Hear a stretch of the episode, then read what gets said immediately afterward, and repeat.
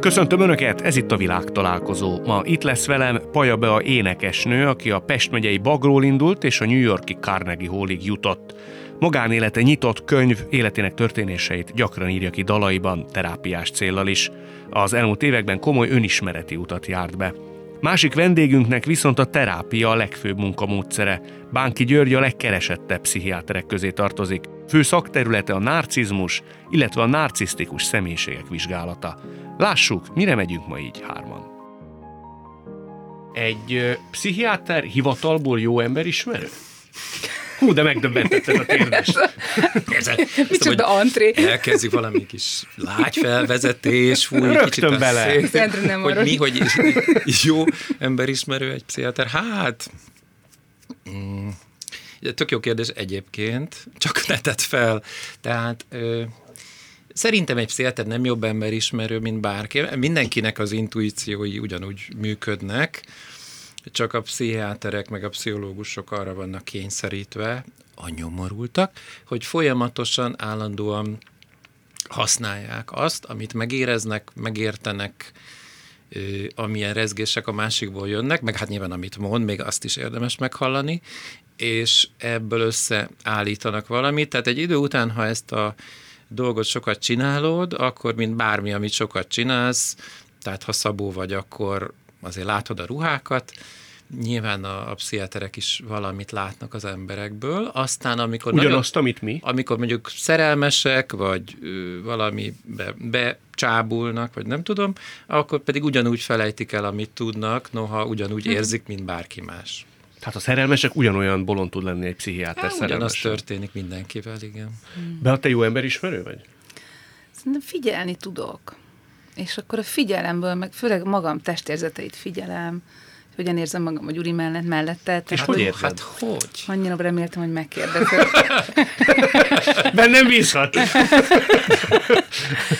Nagyon jó kedvem van, nagyon jó kedvben is jöttem, és ö, olyan jó leső izgalom azért van bennem, hogy hű, a Gyuri pszichiáter, tehát vajon monitorozni fogja azt, ahogy én, mert én igen, az övét nyilván, tehát már látom, hogy a fősajka nem mozog eléggé, amikor beszél.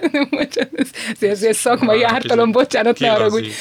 Jó, ez pont ugyanezt a gyakorlatot szoktam csinálni a tanítványaimmal, ne haragudj, csak ez nagyon sok órába szoktam csinálni az emberekkel, de egyébként jól érzem magam, szóval, hogy volt az elején egy kis izgalom, és mondtam is nektek, hogy fönt parkoltam le, hogy egy kicsit tudjak így menni. Én nagyon szeretek menni így az utcán, így bele a térben, nagyon jó idő van, és egy picit így futottam, hogy így kicsit ezeket az energiákat így ide hangoljam, vagy ide érkezek hozzátok. De az izgatottságodnak mi a tárgya ilyenkor? Most, konkrétan most? Hát nagyon rég volt, nagyon rég találkoztam Igen. veled, veled még soha, és hogy szerintem ez egy ilyen nagyon érdekes egyensúlyozás, hogy kíváncsi voltam, hogy miről lesz szó, és hát ugye te az, a pszi, pszichoterapeuta vagy pszichiáter, én az önismeretben elég jártas, vajon hogyan fog ez a kettő úgy találkozni, hogy ne legyen belőle ne a világról és ne az emberről beszéljünk általában, hanem tényleg olyan igaz találkozás legyen, ami, amitől mindannyian épülünk, és szerintem azok is, akik minket hallgatnak. És valahogy én ettől izgulok, hogy ezt, a, ezt az általánosságos emberezés egyes szem, második szemét, ezt így ö, csökkentsük le, amennyire, amennyire a szakmád engedi. Hát sajnos nem segíthetek. Tudom, mert neked ugye, ne, ne, nem, de hát úgy, szóval, hogy ez ilyen, én, én így ez, eb- ebben voltam egy picit így a, a izgatott, hogy tényleg le tudunk-e érkezni a lényeghez. Nyilván igen, tehát hogy csak hogy mennyi idő után. Tehát, Hogy személyesre vegyük. hát szerintem ni- nincs más milyenség. Persze vannak törvényszerűségek, de valójában, amit igazságot mi ma itt mondhatunk, az csak a mi saját szűrőnkön átszűrt belső igazság, ami aztán valahogy találkozik a tiéddel, meg a tiéddel. Az, hogy te azt mondod, hogy önismeretben ilyen előre tartasz, az annak köszönhető, hogy, hogy terápiába jártál és jársz? járok folyamatosan, de azért az éneklésnek nagyon sokat köszönhetek, ugyanis szerintem a jó dal az akkor tud igazán megszületni, amikor olyan mély rétegekből hozok föl dalnak való anyagot, amikor már érintek egy közös tudattalan réteget. Erre mondják azt a szakértők, nem akarom mondani a szót, hogy honnan kell énekelni? Mondjam? Mondhatod. Mennyire van? Nyugodtan. nálam tananya, hogy pinciban kell énekelni.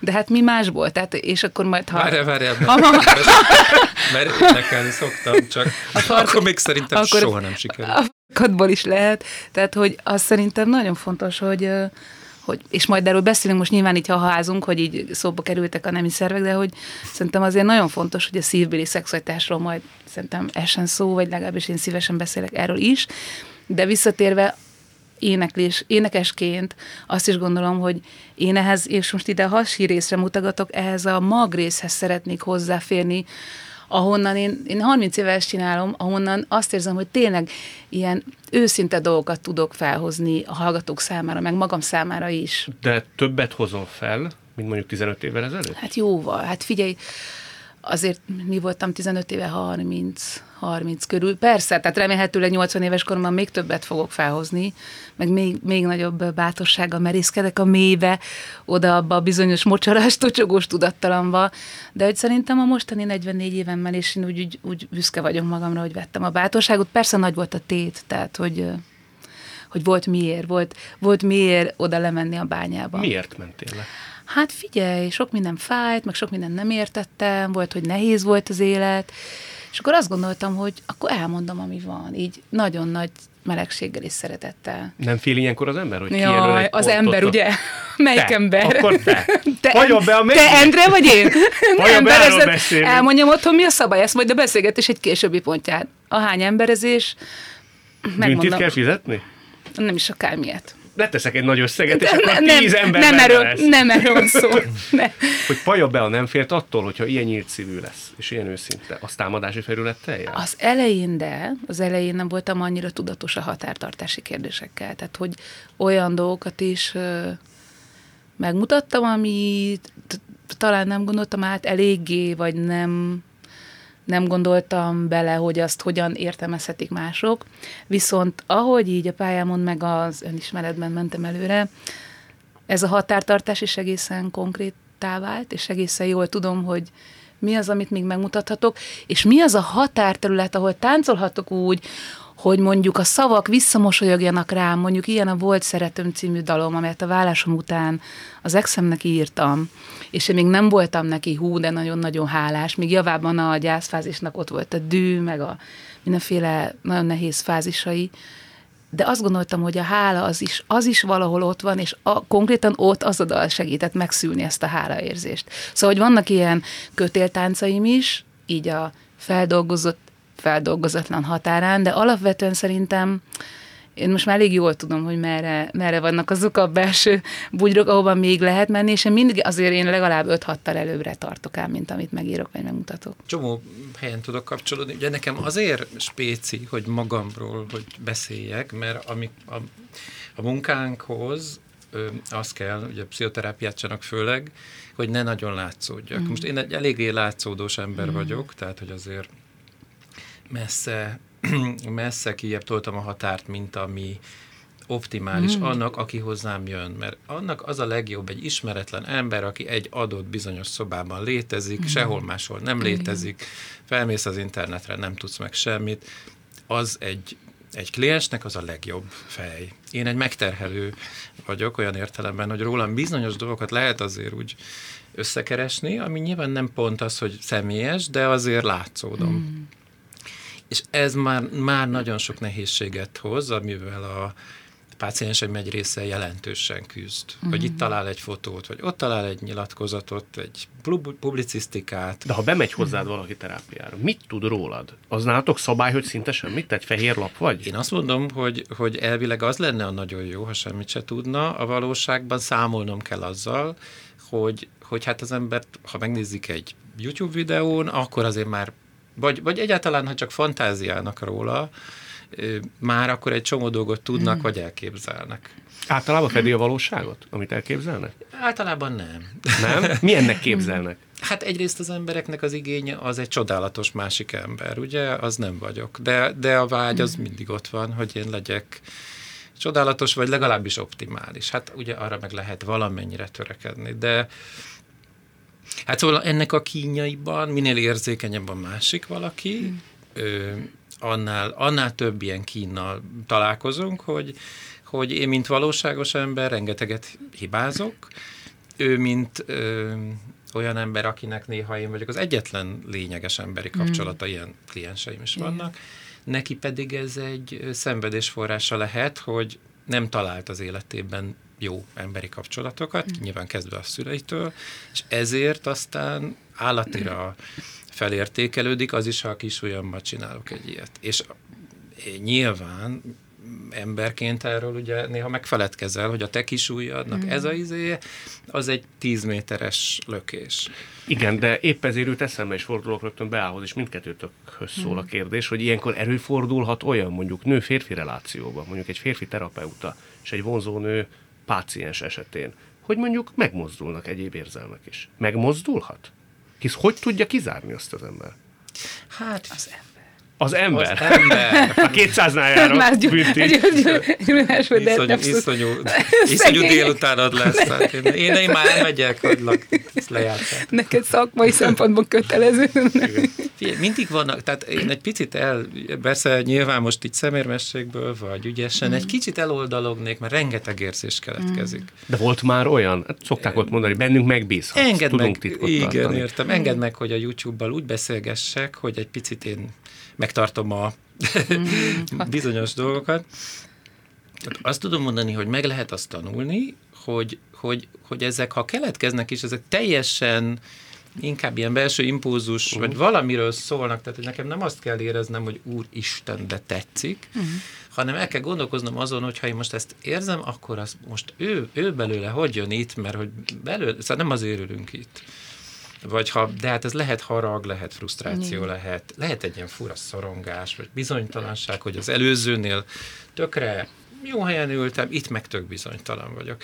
Tehát nagyon sok impulzus keletkezik, de az valamiről szól, amit nekem értenem kell, és ez nagyon, ez a folyamat, hogy állandóan érteni kell, hogy most miért ezt érzem, nem mindig értem meg, mm-hmm. az, tehát a, a szexualitásnál lehet, hogy a másiknak van egy olyan üzemmódja, hogy ő neki ez a biztonságos vagy, vagy létező csatorna a férfiak felé, hogy ezt kiváltsa. Uh-huh.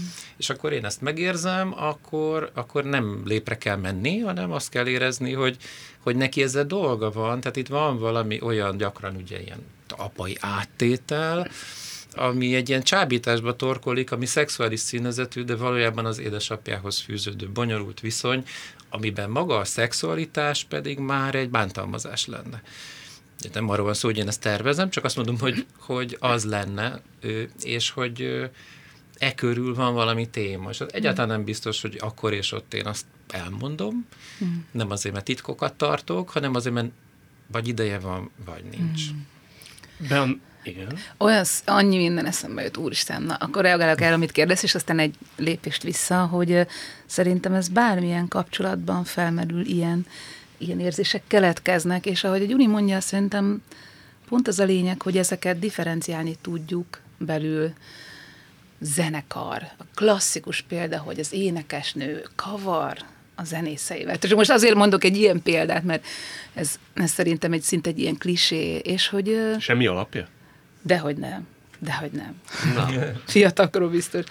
De hogy, hogy... És az nem baj egyébként? Lehet ezt vegyíteni? Szerintem, szerintem de, de hát nyilván baj. Szóval, hogy az van, ami van, én is voltam ebben, és aztán rájöttem, hogy hát ezeket kell tudni differenciálni, tehát a zene is, te is zenélsz, egy, egy olyan olyan találkozás, ami nonverbális, nagyon, nagyon áramló, nagyon közel hoz, szinte erotikussá válhat, és akkor azonosítjuk a beleszeretéssel, holott erről szerintem szó sincs.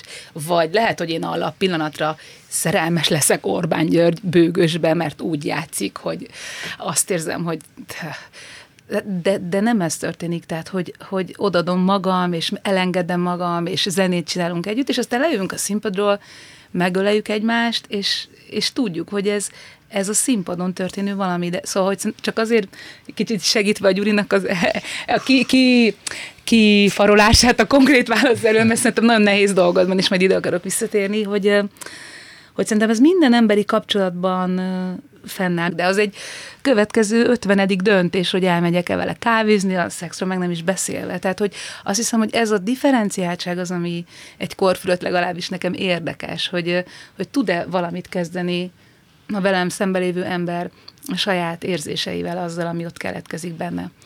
És akkor, amíg visszaléphetek egyet, én Gyuri, annyira meg akarom neked köszönni, mert én így nagyon így, szinte én könnyek lettek a szemembe, hogy, hogy én így nem gondoltam vele, hogy neked mennyire nehéz dolgod van, hogy te ilyen ismert ember lettél, és közben pszichiáter, és hogy én pont így ösztönösen erről beszéltem az elején, hogy tudunk-e úgy személyeset mondani, hogy az, az még határokat tartson, de tényleg ne emberezzünk minden második mondatban.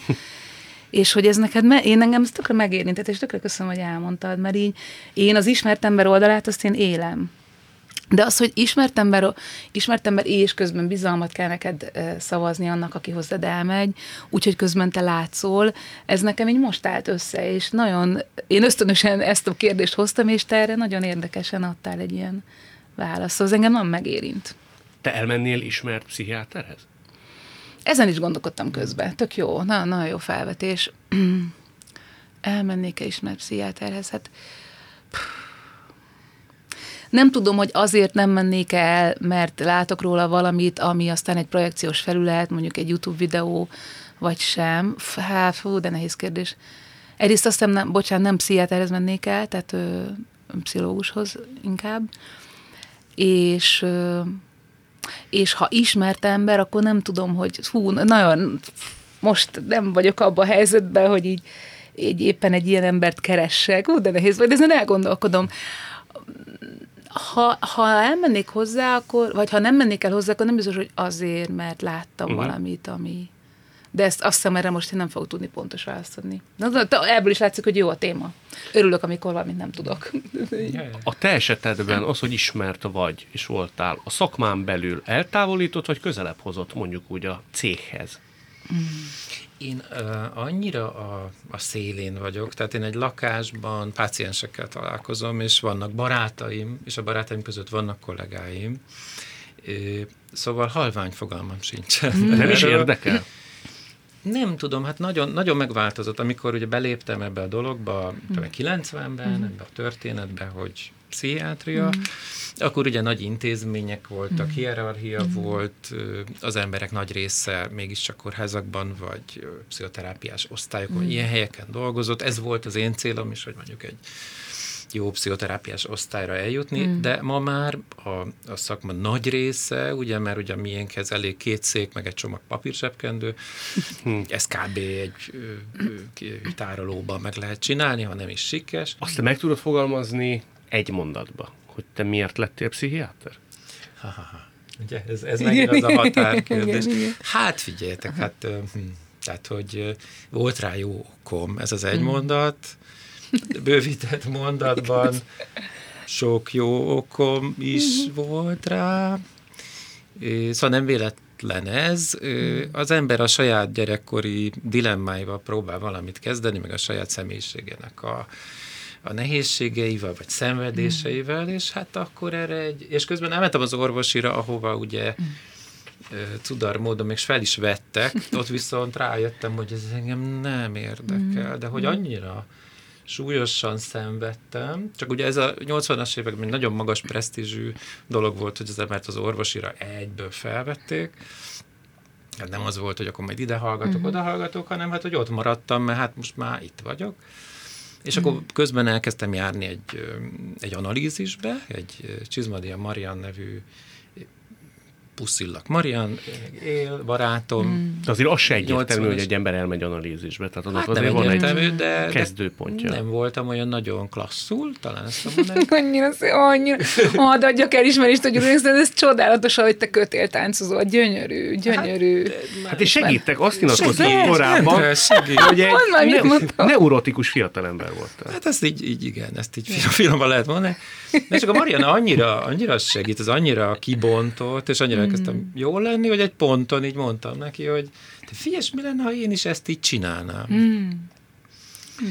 Mert nagyon imponált, hogy az ő egész személyisége. Rájöttem, hogy neki nem is volt módszere, hanem ő egy olyan ember, hogy egyszer, csak egyszer olyan ember, és hogy mm. lehet, hogy volt módszere, de és hogy annyira jól éreztem, hogy ez így vonzott, és akkor mm. onnantól ez az egész orvosi dolog is valahogy így beklikkelt így a helyére, hogy akkor, akkor ennek van értelme, akkor ezt én nem csak végigcsinálom, hanem hogy végigcsinálom. Mm. Nem tudom, mi a két szó közt a különbség, de talán érzitek. Igen. És akkor, és akkor valahogy így. Hmm. Ez lett ebből. Hmm. És nem bántad meg? Nem, nem, nem, én ezt nagyon szeretem. Hmm. Tök jó. Neked egy bizonyos ponthoz köthető az, hogy azt mondtad, hogy igen, én segítséget Én- kérek, igen. Ja, a terápia, azt hittem, hogy énekes leszek, hogy a Nem, tükörben. Nem, nem, nem, nem, nem. Terápia. Terápia, igen, köthető, az egyéni terápiám ideje, de azért előtte is már mindenféle munkát csináltam, mindenféle önismereti munkát, egyéniben is, vagy csoportban is. Konkrétan, amikor hm, most kell nekem egy jó pszichológus, arra emlékszem, hogy az egy ilyen szakmai helyzet volt, pont egy ilyen, egyébként szerintem az is egy ilyen határtartási kérdés volt, ilyen a zenekari tagok és köztem egy ilyen, tehát hogy ez, én is végigmentem azon a klasszikus úton, hogy a garázsbandből a szólista, tehát az énekesnő, aki először csak így ott ül, és egy zenekarra próbál, és aztán úgy, hogy ki mennyire kezdek el abból én látszani, és abban mennyi munkát teszek, és akkor ezeknek a kérdéseknek a tisztázásánál úgy éreztem, hogy fú, elakadtam. Tehát kinek van bandája? Hogy a bandának van énekesnője, vagy az énekesnőnek van Pontosan, bandája? pontosan, és ez a tranzitfázis ment uh-huh. akkor, amikor én, én elmentem terápiába. Megoldódott? Ilyen Meg, ja persze. Igazából már akkor is szerintem nagyon jó úton voltam, csak az egy dolog, hogy én hol tartottam ebben belül, meg arról, hogy, hogy erről hogyan kell jól kommunikálni. Szóval, hogy amit én azóta megtanultam, hogy ez, ez lesz a legoptimálisabb működés, ha nekem van bandám. És ebből szerintem még ideig jól jöttünk ki. Most kicsit hadd bókoljak, mert tényleg annyira szépen beszélsz arról, hogy mennyi önismeretet toltál abba bele, hogy te ki vagy, hogy mik a viszonyok, mi az, ami, ahogy ez eldől, hogy kinek van kie, nagyon hogy te, nehéz. te ismert emberként is hogyan tudod kezelni azt, hogy ami benned van, az hitelesen előre kerüljön, de annyira, amennyire mondjuk ez a művészi produktum kívánja, és ne jobban, mert az, ez is egy arány, hogy most akkor ki az, aki kicsillogtatja magát, de közben ez már nem arról szól, amit csinál, hanem valami egyéb aura veszi körül, szóval ez egy írtó nagy munka. Köszönöm, hogy ez így látszik, meg észreveszed, és tényleg nagyon-nagyon sok munka van benne, meg lesz is, mert szerintem enélkül nem, ma nem nagyon érdemes, vagy szerintem nagyon nagy veszély leselkedik egy például hogy olyan típusú alkotóra, mint én vagyok, aki áhárat, hogy szeressetek. Szóval ez egy régi állapot, Endre, szerintem, vagy, vagy ilyen, ahogy így hallottam, vagy a mosolyodat láttam így a, a, szeressetek mondat mögött, ezt, ezt tényleg vállalom, hogy én vagyok, én nagy, azt, na, nagyon szeretem, ha szeretnek, de ami történt, hogy, hogy azért ott már belül is nagyobb a biztonság, szóval, hogy én a világot jelentő deszkákon túl is szeretetben tudok létezni, ami brutális nagy meló. Magyarul, te abban nem voltál biztos, hogy a színpadon kívül is szerethető vagy? Hát figyelj, na, az nagyon nehéz történet volt, igen. Hát nagyon, szóval, hogy volt, volt miből meggyógyulni, és gyerekkori sérülések, amik mindannyiunknak vannak, nagyon nagy az én utam, amit megtettem a, mondjuk a tanya széléről, a, a paraszti világból, Bagról jössz. Bagról, a Carnegie Hallig, ugye ez a tündérmesém allegóriája, de ami valójában a köztes fázisokban van, mint ugye a népmesében is, az rengeteg akadály leküzdése, rengeteg segítővel való találkozás. Kisebb rendőrségérzés is? Az is, meg figyelj, az, ahhoz talán parasztlánynak se kell lenni, hogy azt a kérdést folyton-folyton föltegyem, hogy elég jó vagyok-e? Elég eleget adok a világnak? Ez figyelj, az én anyukám egy olyan ember, aki brutálisan tud dolgozni, szia anyu, imádlak. Ő egy olyan paraszti származású nő, aki szerintem 8 éves korától eltartotta a családot, amíg ők kint dolgoztak a határba. Tehát ő mit tud? Ő erőn felül tud, dolg, tud és szeret dolgozni. És az ő tételmondata az volt, amit a bőröm alá bekusztott, hogy haladjunk már, fiam, egyről a kettőre. És én, Beácska, akkor kaptam dicséretet, ha dolgoztam. Nem azért, mert én csak vagyok, alanyi jogon létezem, hanem akkor, ha én megcsináltam valamit. Tehát mit csinál ezzel az én kis lényem? Hát én dolgozom, dolgozom, dolgozom, dolgozom, és még egy kicsit dolgozom, haladjunk már, fiam, egyről a kettőre. Tehát például ez is egy nagyon érdekes ilyen alakzat, amit én nem véletlenül több dalomban feldolgoztam, akár a, a Stop című számban, de so- sok, sok, sok dalban beszélek erről. De voltak persze más dolgok is, a férfiakkal való viszonyom, apukámhoz való kötődésem, vagy annak hiánya, vagy, vagy, vagy a, egy ilyen Ők egy háztartásban éltek, ugye, a Igen. nagymamáddal is? Igen, igen, igen, igen. És ők nagyon erős személyiségű emberek voltak. Igen, mindannyian nagyon erős személyiségek voltak, és nem nagyon találták a jó hidakat egymás személyiségei De milyen, közt. de milyen szépen fejezett ki magad. Nagyon sokat veszegettek, igen. És hát, szóval nyilván, na, annyit, annyit elmondok belőle, hogy anyukám az ő maga sodró karakterével és óriási erejével valahogy szerintem nem tudott az apunak ö, annyi elismerést adni, amennyit ő kért volna. Más kérdés, hogy az apu elismerés tartája az egy fekete lyuk szerintem, tehát hogy az is visszamegy az ő gyerekkorához, mert az ő anyukája meg két gyereket elvesztett az előtt, mielőtt ő megszületett, tehát a Lajoskát így fogta a mama, és szerintem nem volt alkalma igazán felnőni. Ez itt továbbra is a világtalálkozó Paja Beával és Bánki Györgyel. Az én metaforám erre az, hogy az újat mielőtt másra mutogatjuk, hogy nekem, nekem miattad rossz, ezt az újat fordítsam magam felé, és azt vizsgáljam meg, hogy belül mi van. De ez egy óriási kiváltságosság, hát engem még száz évvel ezelőtt is elégettek volna. Miért? Tehát, hát figyelj, én olyanokat mondok, meg olyanokat, olyanokat merek állítani, azt mondják a közönségbe, hát te még oda is bevilágítasz az én saját lelkemen belőle, ahova még én sem merek. Meg beszélek olyanokról, amik tabunak számítanak, meg nem félsz, hogy ennyire kinyitod magad, hát szét fogsz szedni a bulvár média, mondta ezt az egyik újságíró, nem, nem szedett szét. Viszont, ha csak jól értelmezzem, a te szüleid vagy anyukád, te egy nagyon érzékeny Nagyon, nagyon. Mm. kislány voltál, ők a munka miatt, a természetük miatt, a nevetetésük miatt kevéssé tudták neked megadni azt a odafigyelést, Biztos, szeretetet, szeretni szerettek szerintem a maguk módján. kifejezni, akkor inkább úgy értem. Na, elmondom inkább máshonnan ilyen szociokulturálisan közelítem, szóval, hogy ők jönnek egy olyan világból, ahol a munka van, és pont.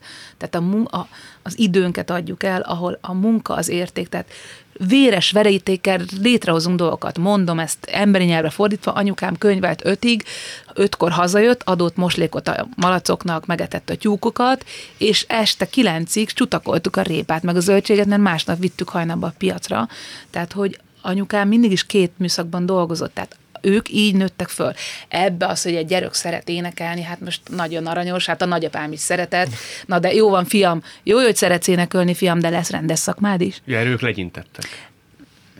Szerintem azért nem csak úgy legyintés volt mögötte, nem féltés. Uh-huh. Egy olyan fajta félelem és meg nem értés, ami teljesen logikus, hiszen az ő világukban a művész az egy ilyen hektikus, bizonytalan életforma, kicsit azért kurválkodik is, kicsit azért jobbra megy, balra megy, folyton megy, ahelyett, hogy letelepedne, hiszen én, Stáncs Emília mondja, az anyám olyan gyönyörűen mondta, egész életében azért dolgozott, hogy legyen egy háza, és én fiam, itt ebben a házban minden tégla visszaköszön, fiam, én innen fogok elmenni. Tehát a szívem megszakadt, tehát szép. gyönyörű, az anyukám, mind a két ember, gyönyörű ember. Tehát ők nem azért legyintettek a, a jány spirituális hívásaira, mert...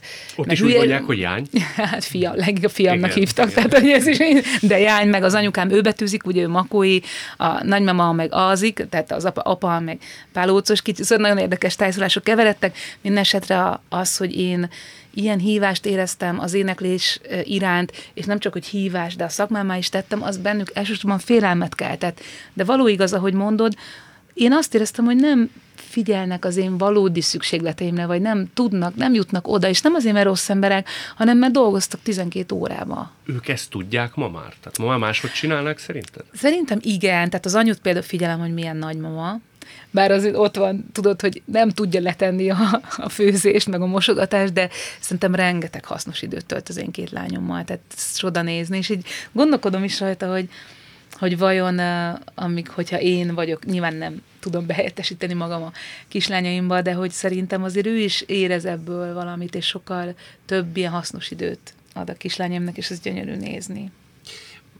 Csak, Mondjad, csak mondjad, kapcsolódom mondjad. egy picit egy vicces sztorival, hogy egyszer a Bornai Tibor Dráni csinált velem egy Mhm. mm. beszélgetést, az, hogy engem kérdezett, és akkor Mhm. a, és utána ő a szünetekben, vagy a köztes izékben meg gitározott, énekelt, Mhm. mm. valahogy így épült ez fel, és valahogy eljött anyukám is, és ö, ott ült az első sorban, nem volt egy nagy hely, de ott ült az első sorban, és akkor a Dráni eljutott ehhez a kérdésig, hogy te miért lettél pszichiáter? Ránéztem, Dráni, hülye vagy, itt ül az anyám. De, de nagyon jó volt, anyám a következőt csinálta, így felemelte a kezét, hátrafordult, és azt mondta, én mindent elkövettem. Annyira cuki volt. És hát szegény ugye mindig ezzel írtam ugye egy könyvet a narcizmusról, és akkor ő mondja, Gyuri, figyelj, tényleg állandóan kérdezik, hogy én voltam. Szóval, hogy így szegény mindig úgy, úgy rávetül az árnyék, mint ilyen súlyos Hát, izé, hogy úgyhogy mentesíteném őt ezektől. De kellene? De azért nem kellene, csak bonyolult az élet. Na, csak azt akarom mondani, Én azért próbálkozom majd nehéz, még. nehéz, mert ugye bármi, ami foglalkoztatja az, Az- embert, az az, az valahogy a, Persze. itt az én fiam, aki negyedéves színész hallgató, mm. ő már csinált elsőben, ugye a mm. Máté Gábor osztályos volt, ugye mm. a sajnálatos események mm. előtt, most ugye nem tudjuk, mi Azt. van velük, és hát ő csinált olyan, olyan jelenetet, amiben én szerepelek, ah. te, vagy az anyukája is, mm. tehát hogy, hogy mondjam, már mi is Persze. ott vagyunk a placon, ahogy szegény anyukám is ott van a placon, mindig ott lesznek a Igen. szülők a placon, és mindig, mindig, mindig, mindig, ezek a kérdések mindig vannak a szülőkkel elkerülhetetlenül. Mm. Akkor úgy kérdezem, hogy tudsz mondani egy olyan példát. Igen, tehát egy barátom, aki nem merné elmesélni nem. a saját történetet? vagy, milyen, vagy milyen példára? Olyan példára gondolok, amit mondjuk te láttál gyerekkorodban, Igen. és nagyon figyeltél arra, hogy ez például a fiaddal kapcsolatban ne kövess be. Hát na, őszintén nekem apukám volt a nehéz mm. ügy, és az ő világa, sok jót is kaptam, de azért valamiért kellett nekem végül írnom egy könyvet erről a történetről. Már a narcizmusról? Igen, szóval ő azért egy, fú, azért nem volt egyszerű, mm.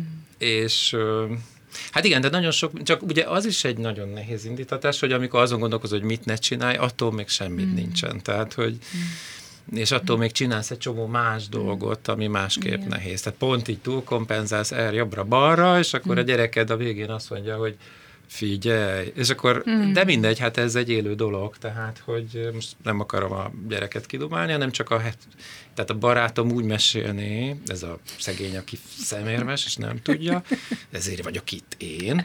Mint szóvivő. tehát ő most így belőlem azt mondja, hogy hogy, hogy hát ez, ezek a szituk, szóval, hogy mit, mm. mivel azonosulunk, mivel ellenazonosulunk, mm. és ez milyen iszonyú bonyolult dolog. Mm.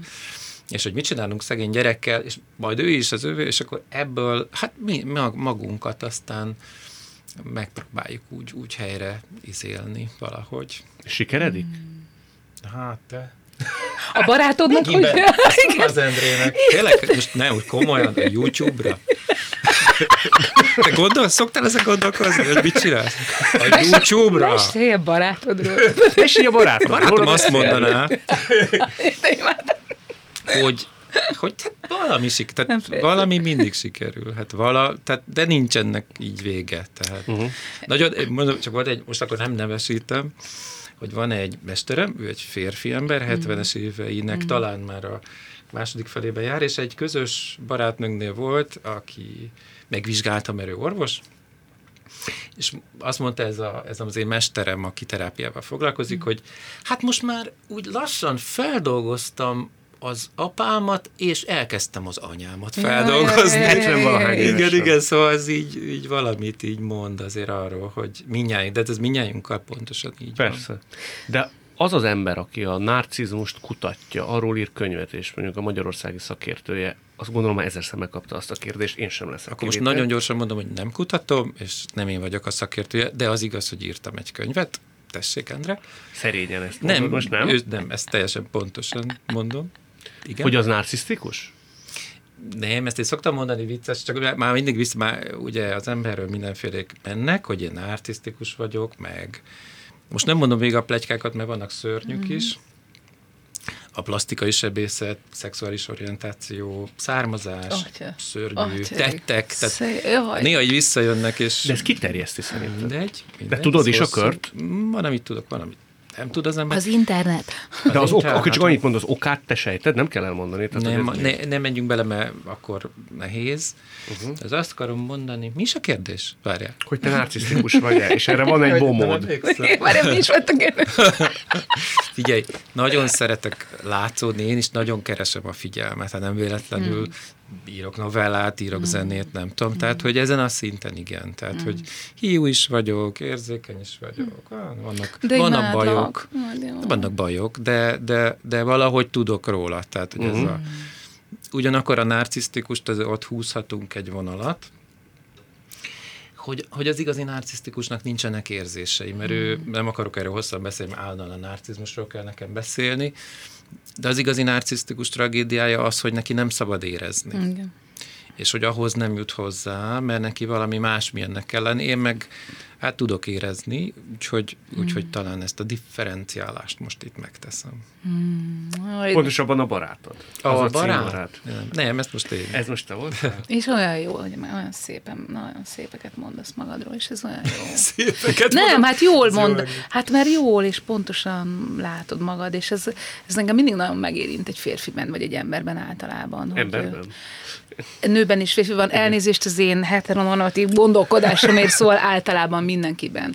A tudatosság, az önmagára vetett ilyen reflexivitás az engem nagyon vonz, és nagyon, nagyon otthonos nekem, vagy nagyon ilyen hú, akkor lehet beszélgetni tényleg. És még úgy is, hogy hú, hogy én neked iszonyú tiszteletet ébreszt bennem ez a beszélgetés, hogy neked micsoda, micsoda ö, szétszálazáson kell végigmenni másodpercek töredék alatt egy-egy kérdés kapcsán. Hát őszintén szóval nekem könnyebb dolgom van. Én Pajaba elvált, igen, megírta, én válta, igen, és de három év már se tudtátok, hogy én voltam-e, vagy sem, mindegy, már össze-vissza kamuzok én is róla, hogy kiről írtam a számítógéphez egy című számot, tehát hogy most, hogy nálunk nem volt szex, vagy náluk nem volt szex, vagy interjúkban mind, tehát, de mindegy, tehát hogy én, mert én, én megtehetem, vagy hogy mondjam, én ezt az utat választottam, és tulajdonképpen most így ezt még soha nem éreztem, hogy, hogy én azzal együtt, hogy én a saját húsomat, véremet viszem a vásárra, nekem ezt a fajta kötéltáncot, amit itt most a Gyuri jár, ezt nekem nem kell járnom, illetve azért én is járom, de azért, de ő, ő, hogy ne, hogy az Istenben kéne, de mégiscsak, mivel kim vannak a dalok, meg tehát, hogy ott van a könyvem, bár most már teljesen másképp. Máshol, máshol vannak a, igen, jó. Nem, nem hiszem, hogy igen, igen, igen, igen. Na, mit akartak kérdezni? ja, az Ender még itt van? egymásra, egymásra hagylak benneteket. Tényleg itt van. Hello! Hogy uh, arra azért kíváncsi lennék, hogy a szüleidnek az ilyesfajta hozzáállása, az mikor és hogyan fordult meg? Tehát mm. volt olyan, amikor egyszer csak azt érezted, hogy na jó, van, megnyugodtak. Egy ez folyamat volt, és a médiának nagyon nagy szerepe volt ebben. 2003-ban jelent meg az első szólolemezem, amelynek bemutatója francia intézetben volt, és akkor, a, ahogy ott az egy ilyen mini teátrum, és ahogy ott a 300 ember ott tapsot, és tényleg nagyon jó koncert volt, és ott eljöttek ők is, és látták, hogy ott úristen engem ennyire szeretnek, és hogy ilyen szép, amit csinálok. Megmutat a tévé, az újság, a rádió, tehát hogy akkor valami, ugye a külső világ visszajelzése is az, hogy hát akkor a jányból lett valaki, tehát, hogy az egy biztos, hogy egy fordulópont volt ott a 2000-es évek elején, de hát addig már eltelt tíz év. Jó, hogy én közben végeztem egyetemet, meg táncos voltam, bár az se egy jobb szakma, mint az Ne tetézd a. De az Apácai gimnáziumban okos lány vagyok, tehát hogy ott még, tehát na, azért Apácai gimnázium, bölcsiszkar, tehát azért ilyen, ilyen papírokat beszereztem, de... De a tíz év alatt volt ő, amikor azt mondtad, hogy áh, ők az életben nem fogják azt mondani, hogy ez úgy oké. Okay. Hmm, tudod, inkább nem ezt mondtam, hanem azt mondtam, hát édesanyám nem fog megsértődni, mert ezt a történetet már leírtam. Pont az első szólólemezem előtti hónapokban, amikor annak felvétele zajlott, volt egy telefonbeszélgetés, ahol anyukám nagyon mérges, hogy az ő által a legfontosabbnak értelmezett házam, nekem az nincs. Uh-huh. Tehát az, ami az ő biztonságát jelentő világban, az nekem nincs. Még mindig nincs. Akkor se volt, viszont mentem a szólólemez felvételére, és az első stúdiónap első reggelin a telefonbeszélgetés lezajlik, a nagyon mérges lett rám, és az anyu ilyen hirtelen haragú, és mond olyat, amit nem kéne, szerintem ezt ő is tudja, belőle nem lesz semmi.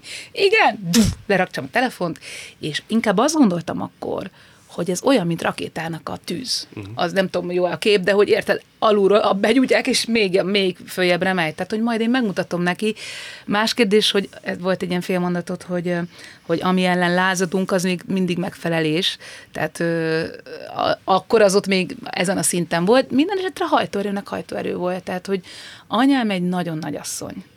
Én is az lettem, mert vele azonos ellenerőt kellett felmutatnom az, annak érdekében, hogy az általa diktált programnak én ellene tudjak menni.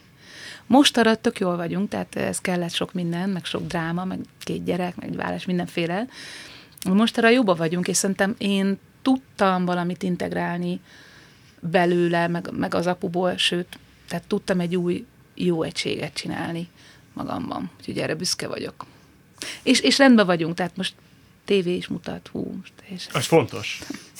Ez, de hallgatnak is, nem csak néznek, tehát a rádióban most meg fognak hallgatni. Remélem, remélem, de minden, amit itt elmondok, azt tudják. Uh-huh. te mondd, ha már ott Na. belekérdeztem a vállásba, és azt Mondjad. mondtad, hogy mondjad el, Mondjad, én, bár, én nagyon, tehát én nagyon hogy ö, te nem ijedtél, vagy nem ijed meg egy, egy nő két gyerekkel, Hú, hogy mi lesz most én velem? Hogy ilyen. merre, merre van az előre? Lesz-e még társam?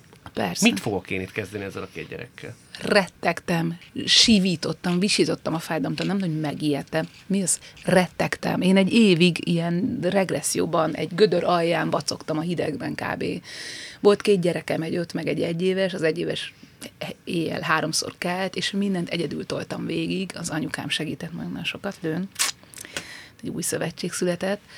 Hát borzasztó volt. Az, a három alapvető félelmem volt, az egyik, hogy két gyerekkel nem fog kelleni senkinek. Először is, hogy fogom magam megtartani? Megtartani érzelmileg, megtartani nem is anyagilag, mert az eddig is így volt, hanem egyáltalán a rendszerben. Hogy uh-huh. leszek én a két kis gyerekem számára itt. De a három legnagyobb félelmem ezen túl az volt, hogy, hogy én két gyerekkel senkinek nem fogok kelleni, a második, ha kelleni is fogok, akkor a maszkot, a, a paja beátlátják benne az ismert embert, amiről te is beszéltél, hogy egyfajta ilyen, ilyen projekciós felület vagyok, és azon túl nehezen fognak látni, vagy fog látni az a férfi.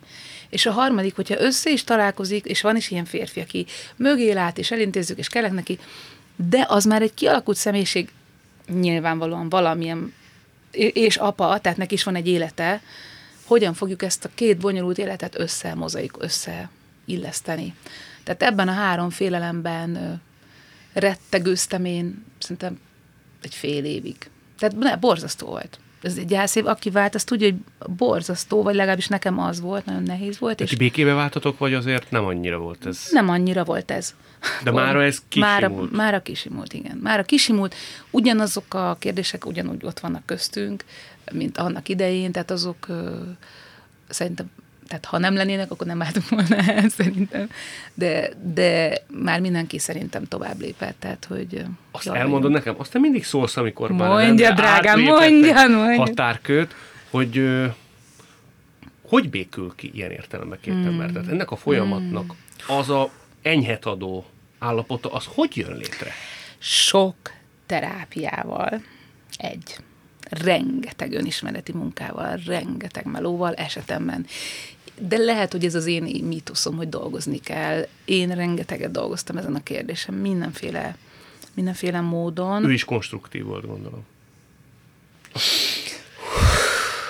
Tehát én rengeteget dolgoztam azon.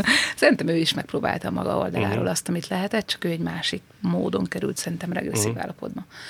De a vállás ilyen. Tehát a vállásnál lejön a külső bőr, és az alsó az hús, az vér, az puha, az sebezhető. Ez, ezért van. Tehát ez egy trauma. És, vagy legalábbis szerintem két mélyen kötődő ember elválik, akkor az ilyen. És tehát nekem az önismereti munka nagyon sokat segített, és az az új, amit az előbb mutattam, most aki videón látja, az látja, hogy nem miatta, és ez, ez ekkora legnehezebb a párunknál, hogy nem miatta, hanem és még nagyon, fú, nagyon nehéz ezt csinálni egy válláskor, hogy ne azt mondja, hogy bezzek te, bezzek te. Magam felé fordítani azt az újat. Mondok egy mondatot, ami a vállásalbumon, a hazatalálókon háromszor leíródott, és csak utólag vettem észre, ez a öleld át magad, nincs más magamat ölelem ölelem magam. Tehát ez, ez a fajta odafordulás a belső gyermekemhez, hogy megérteni, hogy én tényleg ott egy ilyen nagyon-nagyon durva, nehéz, rettegő, félelmetes, dühös állapotban voltam, de hogy, de hogy van köré, körém nőtt egy felnőtt, aki tud en- magamnak, magam tudok támogatást nyújtani, iszonyat meló volt, iszonyat nehéz, és közben miközben nekem puha húsom, ott van két kisgyerek, akinek én muszáj, hogy felnőtt legyek. Tehát én nekem őket el kell vinni, el, el kell juttatni reggelente az iskoláig, enni kell nekik adni, és az ő bánatukat, ami az apukájuk hiánya miatt van, meg a változás miatt, azt igenis nekem kell kezelni, vagy nekem kell az én az ő idegrendszerüknek lennem. No, de be várjál. Akkor, amikor az ember most a kamerával mutat, tehát a be. másik, másikra mutat, Igen, aztán hirtelen rá kell jönnie, hogy magára Igen. kell, hogy mutasson. igen.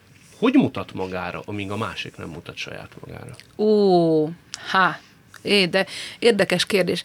Szerintem ez legyen egy alapértelmezés az életben. A másik kérdését nem tudom megold. Persze, és az az ő felelőssége, hogy, hogy ő magára mutogat, vagy sem, vagy még, vagy még azt a játékot szeretné játszani, hogy rám. Ö, én megtanultam azt, hogy nem, hogy száz százalékig, de 150-ig beleállok felelősségben, felnőttként helyzetekbe. Tehát engem, én nem, tok, nem tudlak téged megváltoztatni, az exemet, a volt főnökömet, a volt zenészemet, a volt menedzseremet, én nem tudom őt megváltoztatni. Amit egyedül én tudok tenni ezzel az magam felé fordított újjal, az az, hogy lehet, hogy a végén már a szüleimtől kapott tételmondatokat, a hitrendszerbeli mondatokat kell megvizsgáljam, de egyedül azt tudom tenni, 100, 120, 150 százalékig felelősséggel, felelősséget vállalok egy helyzetért. Borintottál egy nagyot itt a vállás kapcsán. Egyetértesz vele ezzel az intelligens vállás? Nagyon szépen mondta el Beát. Ö, iszonyú nehéz oda eljutni, hogy, hogy, hogy saját magunkon gondolkozzunk. Most emberezni mm. fogok, bocs. Emberezni. Jó? Én, én ezt most első ember, akit, akit felmentett. szóval, hogy, hogy tehát csuda nehéz, nyilván személyes dolgot is mesélhetnék, mm. de ez mm. tényleg az most nem lenne jó. Mm. Szóval, hogy, hogy, hogy, hogy egy gyakran tök hosszú folyamat, tehát hogy tényleg mm. azon gondolkozzak el, hogy hát hogy, mivel járultam hozzá, mit tudok most én kezdeni ezzel, mm. mivel szolgálom a gyerekemet, hogy tök yeah. nyilvánvalóan azzal, ha a sajátomon gondolkozom, és tisztelni tudom a végén a másikat, mm. akkor is, ha kitépett egy darabot, vagy én mm. belőle, hát mm. de nagyon, de hát azért ez nem öt perc, és yeah és hát hullámzik is, tehát hogy azért a haragok, a frusztrációk, a mi történt 952-ben típusú történetek. Az ember a sérelmét. Ugye, újra és újra feljönnek, és akkor ráadásul ugye, mint tudjuk, összeszövődnek a gyerekkori dolgokkal, amik aztán, mint a rakéta be, tehát hogy a a partner által okozott dolgokat, fűti még a gyerekkorban elszenvedett nagyon sok minden az életünkben, és akkor hát ebből elég bonyolult dolgok állnak össze. Az, hogy ő mm. mire jut, az egy tényleg, tényleg, az már egy ponton egy, egy független történet, mm. hogy hogy alakítunk ki határokat, és aztán hogyan és hogyan kell, ha gyerekek vannak, együtt maradnunk Igen. valamiben, ha tudunk, ugye, mert mm. nagyon sokszor ez nem sikerül, hál' Istennek mm. sokszor sikerül. Az mi múlik?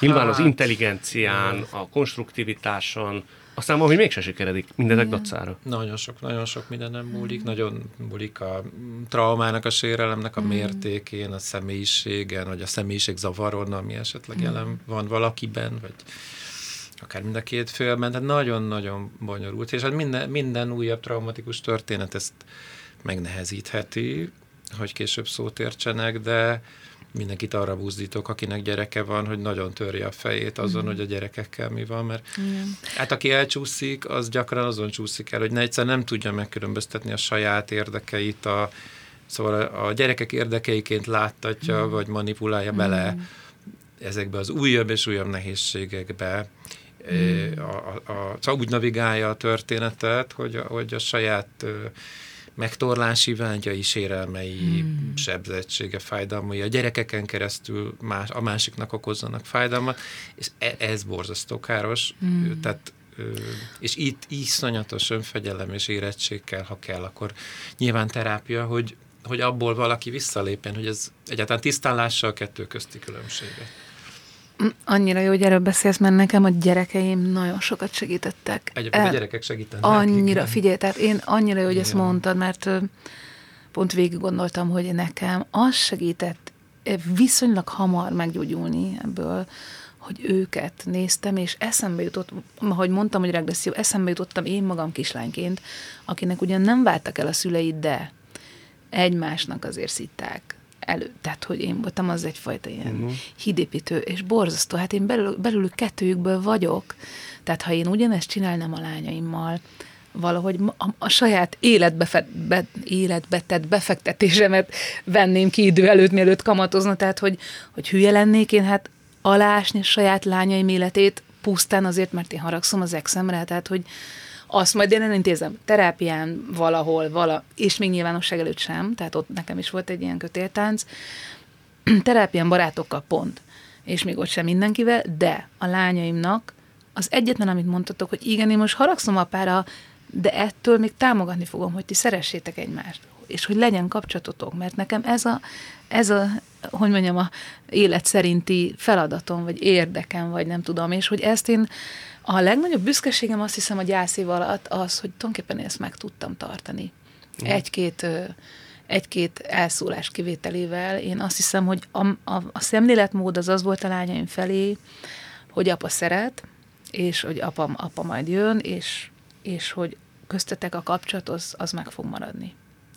Csak kérdezted, hogy mi, mi gyógyít, szóval azt hiszem, hogy ilyen típusú szemléletmódok is, meg hát azért az idő is, ami aztán távolabbra helyez azokat az eseményeket, amik fájnak, meg az a szemléletmód, hogy most mi értelme van felhántorgatni, vagy szóval, hogy így van egy csomó ilyen hidegfejű mérlegelés is, hogy mikor járnak jobban a gyerekeim, erre egy pici rossz hírt azért mondanom kell, tehát, hogy ö, ugye Bergmannak van egy regénye, az a cím, hogy a legjobb szándékok. Hmm. De hát, hogy a legjobb szándék, ami szomorú tartalmat akar egyébként hmm. a szüleivel kapcsolatban, tehát, hogy a legjobb szándékok és a legjobb, legkonstruktívabbnak ö, ö, kifeszített együttműködés mellett is a gyerekek egy kettős lojalitásban vannak és zavarban vannak. Tehát tehát nem tudnak nem szétszakadni, mm. akkor is, hogyha a két szülő tök normális, jót mm, akar, persze. nem mond csúnyát. Egyszerűen a helyzet olyan, hogy, hogy nekik ez nehéz, tehát azért abban ne ringassuk magunkat, hogy, hogy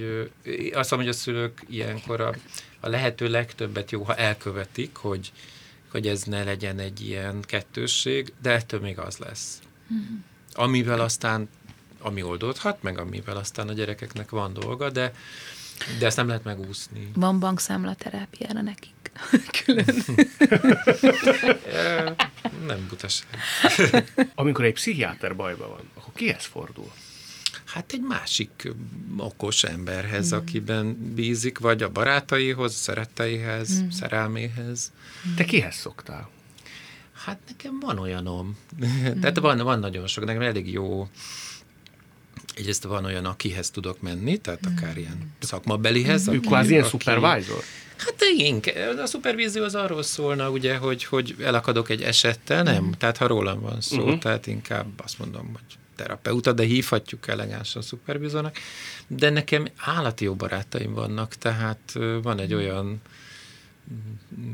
csapat, akik, akik köz, közül mindenkire mm. számíthatunk kölcsönösen oda-vissza ilyen helyzetekben, mm. ami nagyon és hát van szerelmem, az is nagyon mm. jó dolog, meg a fiam, mm. az már nagyon érett, csodálatos mm 23 éves ember, és hát olyanokat tud mondani, hogy így csak így figyelek, hogy mm. aha, aha. Már rád nézve? Igen, igen, igen. De... Apa, hát ez figyelj, hát nem igaz, hogy nem tudod.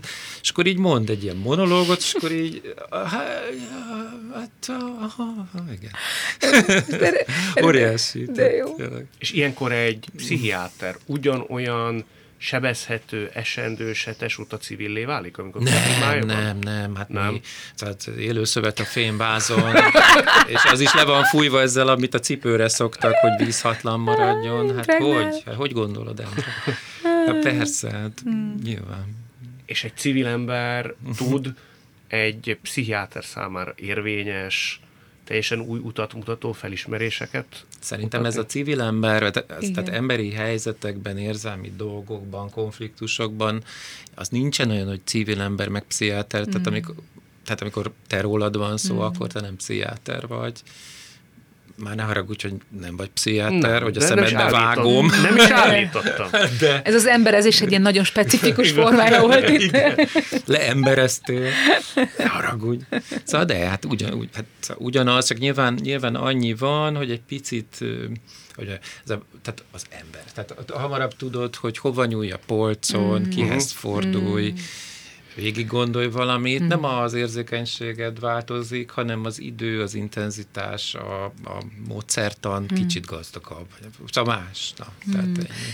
Én szerintem, ha a mai beszélgetésnél azt elérjük, hogy a, a pszichológus, a pszichiáter, ez nem szent ember, viszont tud támogatást nyújtani, és hogy szerintem ez, ez érdemes, nem csak akkor, amikor szarba vagyunk, hanem úgy általában én nagyon javaslom mindenkinek, hogy éve. Én azt hiszem, hogy éveket nyertem ezzel. Konkrétan éveket, és kilókat veszítettem, meg ráncokat nem, nem kaptam meg, meg Szóval, hogy szerintem nagyon megéri. Hát tulajdonképpen ez volt ennek az egész beszélgetésnek mm. az egyik tanulság, hogy el kell menni pszichológushoz, ha valaki úgy gondolja, vagy pszichiáterhez, ha szükségét érzik. Paja Bea és Bánki György, nagyon szépen köszönöm, hogy itt voltatok.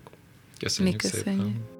Világtalálkozónkat nem csak hallgathatják, de végig is nézhetik. Iménti beszélgetésünk hamarosan már látható lesz YouTube csatornámon is.